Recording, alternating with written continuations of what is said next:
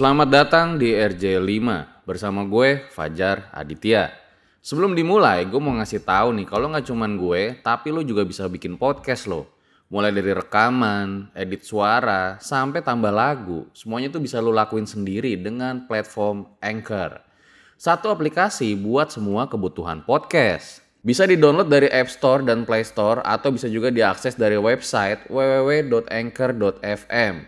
Nggak cuma buat, tapi lo bisa langsung share dan publish hasil rekaman lo ke Apple Podcast, Spotify, Stitcher, dan lain-lain dari Anchor ini. Yang paling penting, Anchor ini gratis.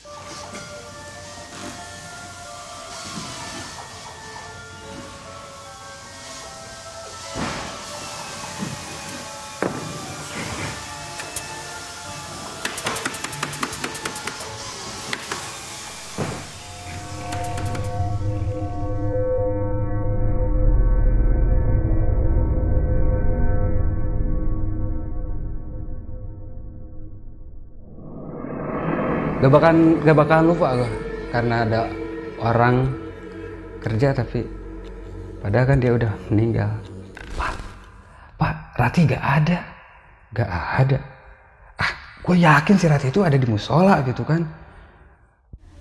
Pak Arya tolong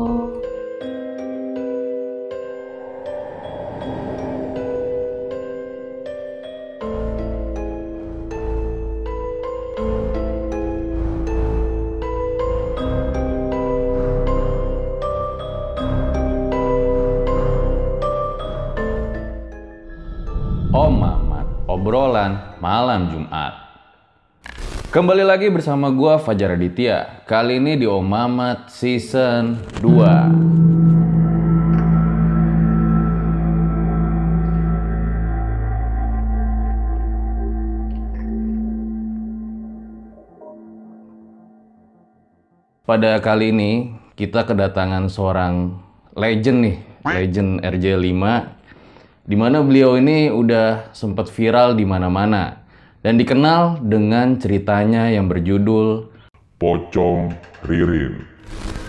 busuk busuk terus perlahan jadi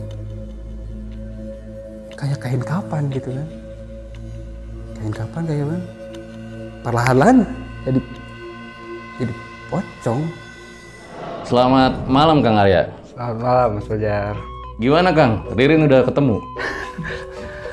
ada di rumahnya mungkin ada di rumahnya. Jadi Kang, lu ini kayaknya nggak bakal jauh-jauh dari pengalaman-pengalaman horor ya? ya deket mulu. Gue gak tahu nih. Eh, yang ngedeketin hantu bukan cewek gitu ya. Harusnya bukan cewek gitu. Jangan hantu terus gitu. Jadi kali ini lu mau cerita tentang pengalaman horor lo yang mana nih Kang? untuk kali ini gue mau ceritain soal yang di pabrik Eh, pengalaman gue waktu di pabrik ada ada sedikit cerita mungkin di ber- untuk berbagi lah ke yang lainnya. Apa yang lo rasakan pada saat mengalami kejadian horor itu di pabrik? sebagai manusia mah punya ketakutan kan? Kita nyeritainnya itu dengan ya kayak nggak terjadi apa-apa. Tapi pas kejadiannya itu ya kita takut lah sama. Kita ngelihat kayak begitu ngeri juga Manusiawi lah. ya? manusiawi bohong kalau wah Arya misalkan lihat begitu wah biasa aja bohong banget gue masih deg-degan masih takut apa kaki gua bergetar apa gimana deg-degan sama aja gue masih punya rasa takut sama aja nyeritainnya aja kayak nggak takut padahal kalau kejadiannya langsung kan pengen lari gitu kan Oke, Kang, ditahan dulu cerita lu. So, gue rasa langsung saja. Berikut adalah ceritanya.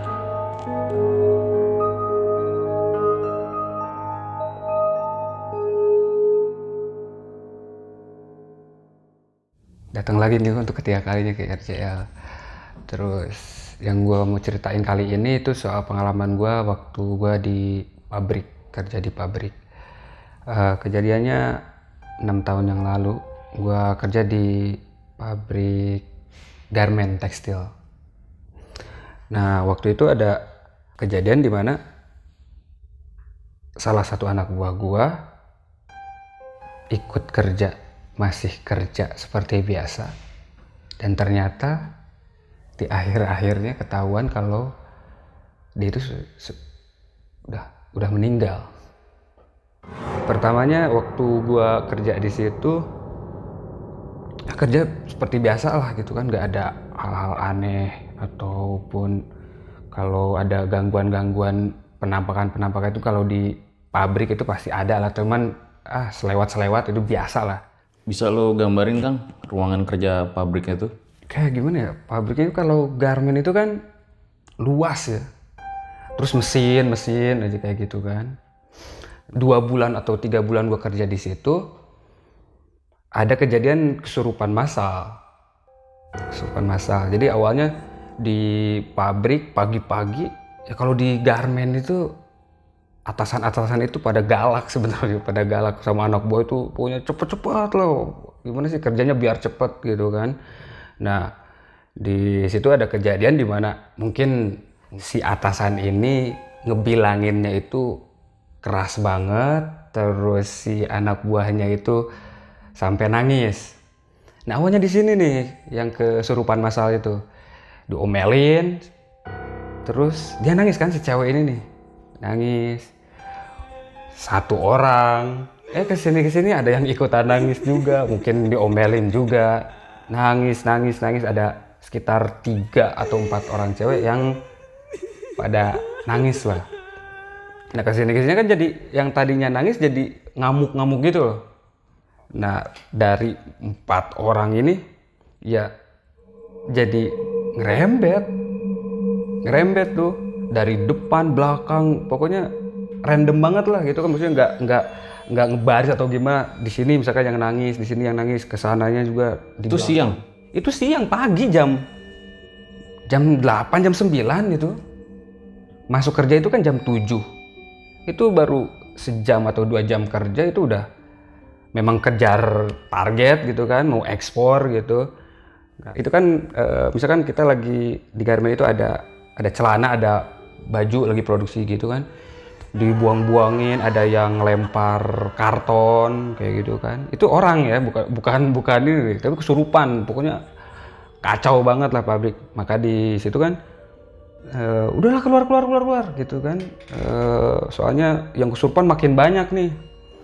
Maunya kita maunya kita ada kejadian kesurupan masal ini udahlah eh, dipulangin lah gitu kan. Karyawan semuanya pulang. Tapi yang di kantor itu oh jangan jangan.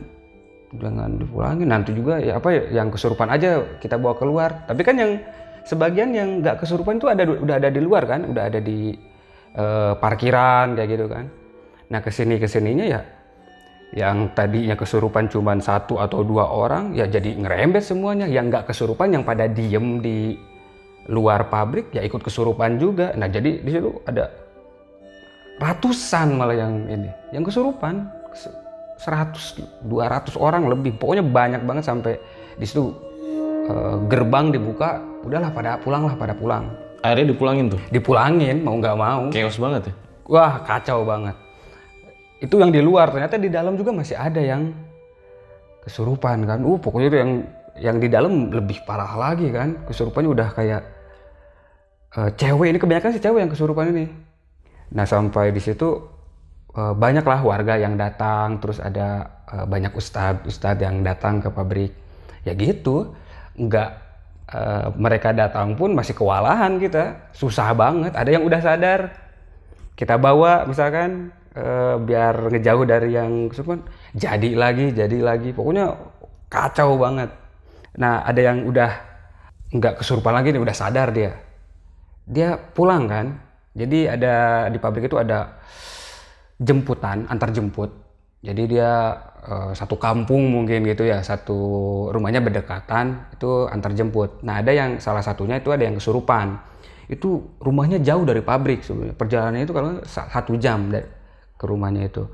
Nah dia kesurupan, si ibu-ibu ini kesurupan, terus dia udah sadar, yang bawa pulang baik lagi ke pabrik. Itu kayak zombie, apa sih jalannya itu bukan bukan bukan pakai kaki, pakai jempol, jalannya tuh jempol. Jinjit. Jinjit, jempol itu. Jalan aja kata. ya kenapa kenapa kan ditanya kan kenapa ini pas di, nyampe rumah jadi lagi ngamuk lagi terus ditanya mau pulang katanya nah ini kan udah di rumah katanya kan itu kayak kesurupan gitu kan. Ternyata pulangnya itu ke pabrik. Ya dianterin lagi ke pabrik. Itu perjalanan jauh. Loh baik lagi ke pabrik. Ya, si ibu-ibu itu doang tuh jalan dari pabrik sampai eh, di gerbang pabrik. Ada gerbang gitu kan. Mau masuk ke dalam pabrik dia tuh pengen ngomong sama yang punya pabrik. Itu kan ibu-ibu ya cewek. Tapi yang keluar itu suaranya apa sih kayak cowok gitu berat banget suaranya. Dia pengen ngobrol sama yang punya pabrik. Kebetulan yang punya pabrik kan nggak ada nih. Orang Korea yang punya pabriknya nggak ada. Terus kebetulan di situ ada eh, atasan-atasan yang di pabrik kan ada kepala pabrik kayak gitu. Nah ngobrol kan di situ. Dia marah-marah tuh ibu-ibu tuh marah-marah. Saya keganggu. Kalian berisik teriak-teriak. Saya minta tempat saya disempurnakan. tempat apa? Tempat dia diam katanya disempurnakan. Di mana? Dia nunjuk ke gardu listrik. Nah katanya jadi dia itu eh, tempatnya itu di yang sekarang jadi gardu listrik. Pengen dibongkar pengen dipindahin pokoknya. Kan ribet kan pindahin gardu listrik gitu kan? Terus udah kan tawar menawar sama setan juga ada tawar menawar tuh gimana kalau nggak dibongkar tapi jangan ngeganggu? Pengen apa gitu kan? Terus dia mintanya apa? Minta kepala kerbau satu tapi ditanam dekat gardu. Minta pokoknya minta satu kepala kerbau terus tanam di eh, gardu. Buset tuh kepala kerbau gitu kan. Wah mahal juga nih berabi juga nih. Se- setan requestnya aneh-aneh juga nih kan kepala kerbau Eh, ada komunikasi lagi ya udah jangan jangan kerbau lah jangan kerbau. Ya udah katanya. Kambing. Minta kepala kambing. Kambing yang warna hitam. Itu juga dia minta untuk dikubur di dekat gardu. Wah masih mahal gitu kan. Kambing mahal nih. Kalau ayam mau nggak ayam? Ayam. Iya nggak apa-apa katanya. Tapi sembilan ya katanya ya udahlah kalau ayam ya nyari ayam kampung kita itu ha- detik itu juga kita nyari ayam kampung udah ya ayam tapi jangan ganggu ganggu lagi ya gitu kan Berarti dari tadi masih di area yang sama terus ya? Mm-mm. Sampai cari ayam juga.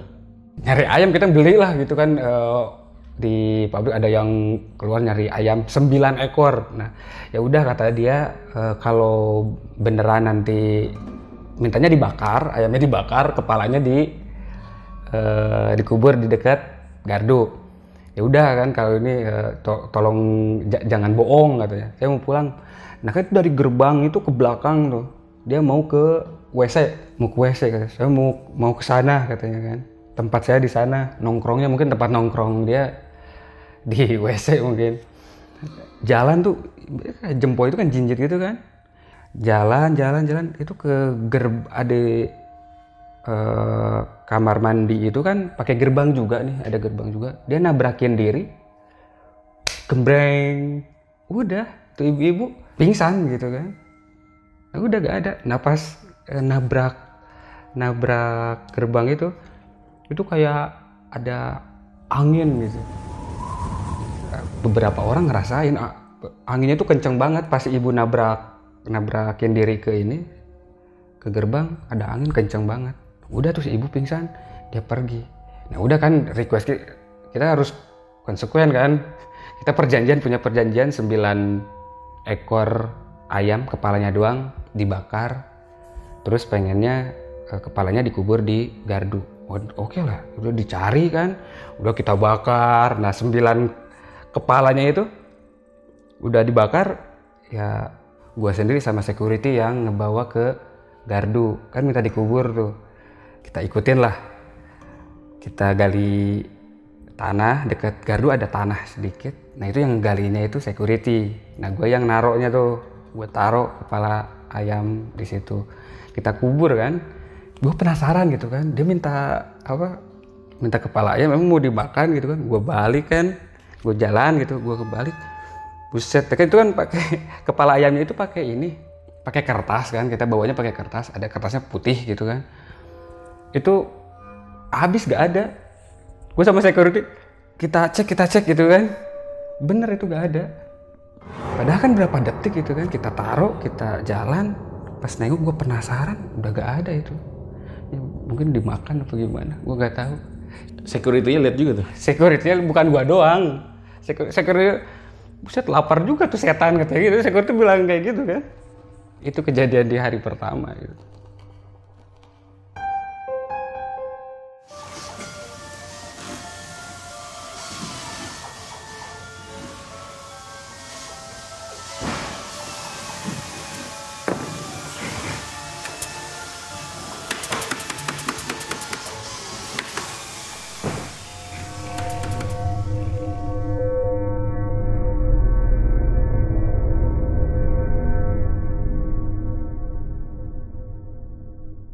Hai, sebelum lanjut, kenalan dulu yuk sama partner misteri gua. Namanya Anchor. Anchor ini adalah all-in-one podcast editing platform yang membuat gue lebih mudah untuk rekaman, edit suara, tambah lagu, dan segala hal dalam pembuatan podcast yang sedang kamu dengerin kali ini. Anchor bisa ngebantu kamu bikin podcast kamu sendiri. Caranya tinggal download dari App Store dan Play Store. Atau bisa juga diakses di www.anchor.fm. Jadi download Anchor sekarang juga.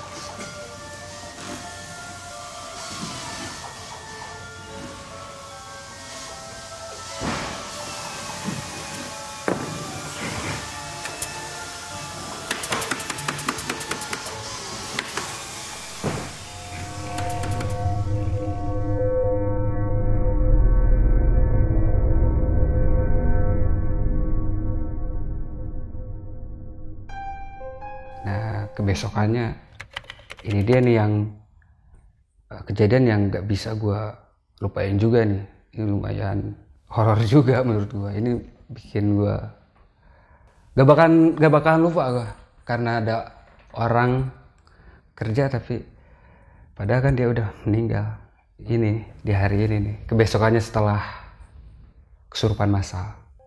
Kang, boleh lo gambarin dulu nggak sih sebelum lanjut ceritanya mengenai pabriknya itu misalnya berapa lantai, terus di sini lo kerja sebagai apa, lokasi pabriknya itu berdekatan dengan rumah warga apa gimana?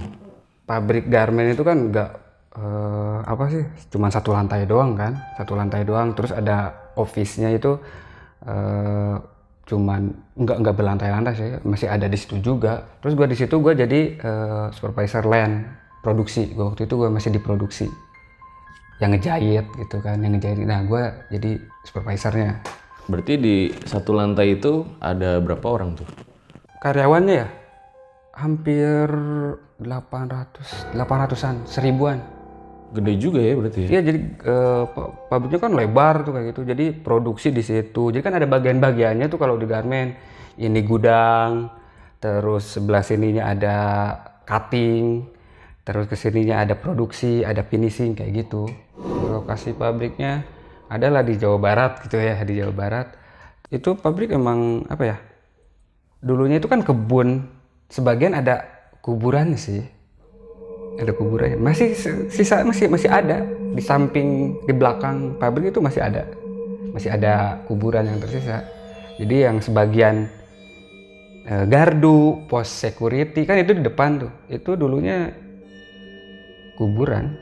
Kayak gitu terus eh, pabriknya itu cuman di daerah itu cuman ada satu sih Kebagi, eh, sebagian kan di situ ada perumahan sih rumah-rumah warga lah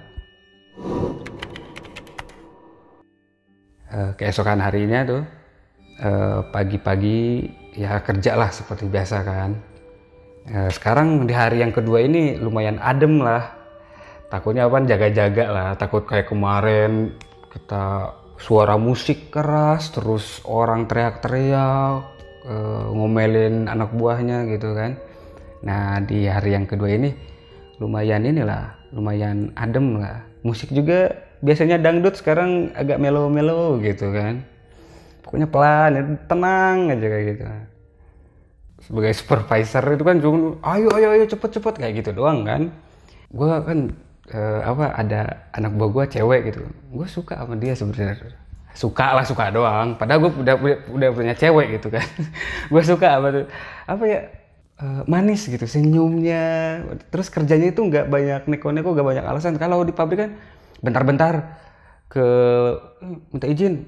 Ke WC gitu kan padahal dandan lah apa kalau cewek kan. Kalau cowok ngerokok ngobrol lah gimana. Dia itu karya eh, si cewek ini baik lah pokoknya. Jarang jarang alasan alasan gitu. Kerja ya kerja aja. Nah gue tuh agak suka sama dia. Nah di hari itu pas kesurupan masalah juga eh, yang kemarinnya itu dia agak beda gitu. Atau dia takut apa gimana kan banyak kesurupan. Nah di hari itu beda juga nih. Biasanya senyum ke gua enggak nih.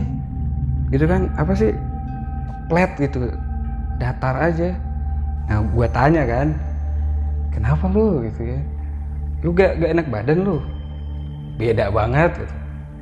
nggak ngejawab. Nggak ngejawab. Sebagai supervisor harus perhatian lah sama anak buahnya. Ya udah istirahat aja lah istirahat aja di eh, musola ya istirahat aja. Nah gue panggil ADM gue kan. ADM gue tuh cewek. Sini eh, antar antar antar gue gue ini tuh gue bawa ke musola.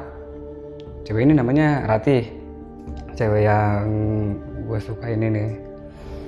Gue bawa tuh ke musola. Terus ada security kan dekat ini.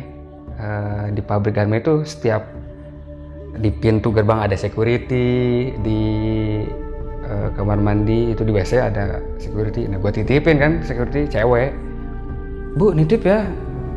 Mau istirahat. Gitu kan. Kayaknya sakit. Nanti kalau apa-apa kasih tahu aja misalnya kalau butuh apa-apa. Ya udah tuh istirahat kan di musola. Gue pegang tuh tangannya sama adem gue juga. Udah gue kerja lagi seperti biasa kan. Nah jam istirahat semuanya kan pada keluar tuh. Yang karyawan itu eh, pada keluar nyari makan lah nyari makan makan siang istirahat. Pas gue mau nyari makan gue dipanggil. Eh, di, pes, di di pos security itu ada eh, bapak-bapak ada ibunya itu satu keluarga gitu kan. Gue dipanggil kan pak pak pak ke sini bentar. Gua ke pos security kan terus nanya oh ini pak katanya. Ini keluarganya dari Rati nanyain katanya. Oh ya Rati ada kok. Nah terus cerita tuh keluarganya. Iya udah nggak udah nggak pulang seminggu biasanya ngabarin eh, sekarang udah nggak ngabarin jadi kalau dia rumahnya agak jauh dari pabrik gitu kan Terus kalau pulangnya malam, lembur pabrik kan kalau di Garmin tuh bisa sampai jam 9, jam 10. Nah, si Rati ini emang gue juga gue tahu gitu kan kalau pulangnya malam dia nggak pernah uh, pulang ke rumahnya. Biasanya ke teman-temannya gitu kan, ke kosan kayak gitu. Nah, gue bilang kan ke keluarganya, oh, ada kok ada uh, kebetulan uh, hari ini kerja terus sakit. Uh, ada kok di musola gitu kan. Oh ada. Oh ya apa-apa kalau ada mah gitu kan. Tapi kan sakit. Nah, gue tuh itu sakit. Kalau mau dibawa pulang juga gak apa-apa gitu kan. Oh ya udah mau saya bawa pulang aja gitu kan. Gue nyuruh uh, security yang cewek bu bu uh, bawa aja bu. Di ada di musola bawa aja biar pulang gitu kan udah tuh ibu security ke dalam mau jemput Ratih kan mau dianterin. Pas balik lagi gue lihat dari jauh gitu kan di pos security kan lumayan agak jauh ke ini ke pabrik. Si ibu kok ibu security kok nggak bawa si Ratihnya apa? Si Ratihnya nggak mau pulang gitu. Wah ada masalah nih di keluarganya gitu kan. Pas ini bisik-bisik ke gue pak pak Ratih gak ada. Gak ada gue yakin si Ratih itu ada di musola gitu kan. Kan ini security-nya yang lain nih. Kan security ada banyak nih ada banyak. Nah gue tanyain kan si ibu yang ngejagain Rati itu kan yang di dekat musola. Emang Rati nggak keluar katanya? Bu security yakin Rati nggak nggak keluar pabrik. Ada di musola. Udah kan gua sama bu security langsung tuh ke musola.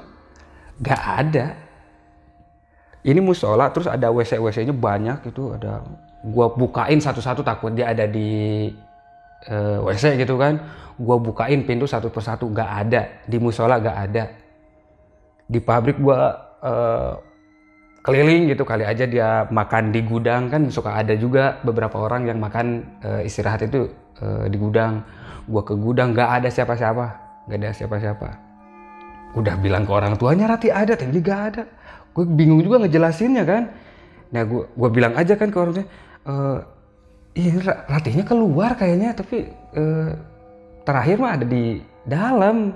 Tapi nggak ada kayaknya keluar. Nanti lah kalau kalau ada mau disuruh pulang aja. Eh, sekarang ibu bapak kalau mau nunggu silahkan mau pulang juga silakan. Oh ya udah deh saya eh, kalau ada udah apa-apa. Kalau arti ada gak apa-apa. Ibu sama bapak pulang udah tuh orang tuanya Ratih pulang kan?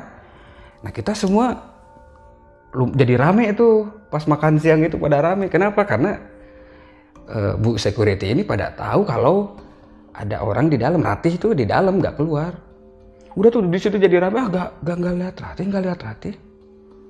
Nah sebagian kan nggak ngelihat. Lah gua kan Yang ah, iya maksudnya gak, gak lihat itu gini.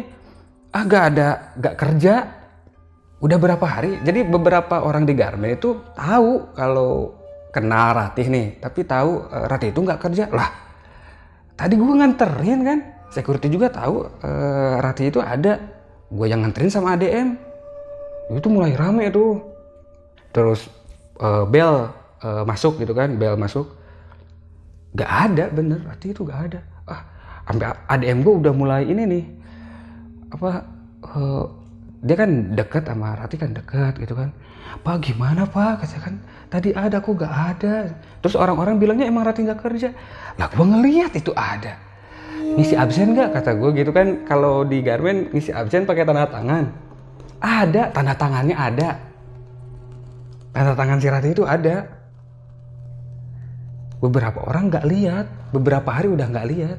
Tapi gue lihat kan hari itu lihat gue yang nganterin udah kan di situ wah pokoknya rame.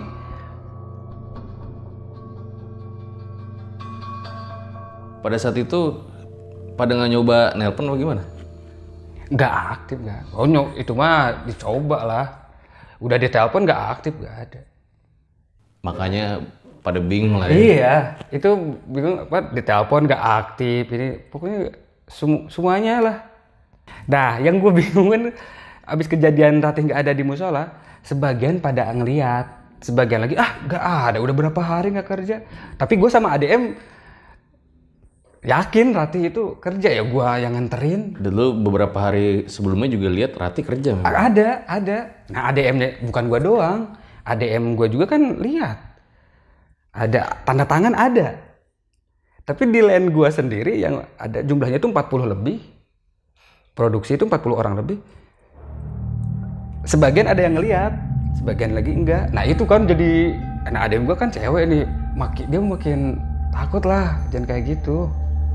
Udah tuh abis wah gue pusing deh gue pusing. Gue ngerokok lah ke depan sekitar jam 3 lah jam jam 3 sore jam 3 sore.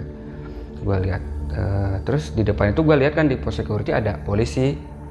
Nah awalnya kan ah, gue biasa biasa aja udah sering lah polisi ataupun dari Koramil datang gitu kan. Ya main lah ngopi-ngopi gitu kan di eh, pos security.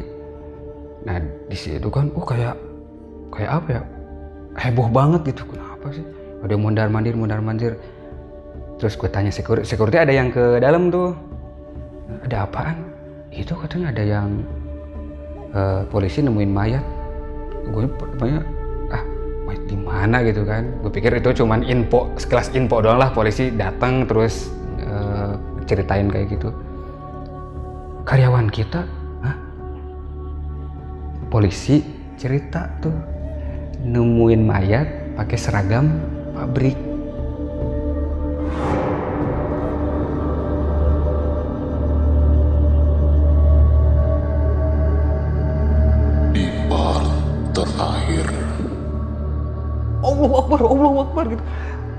pikir gua doang, gue ngeliat ada yang udah ada di duduk, si Rati ada ada di meja dia. Pak Arya tolong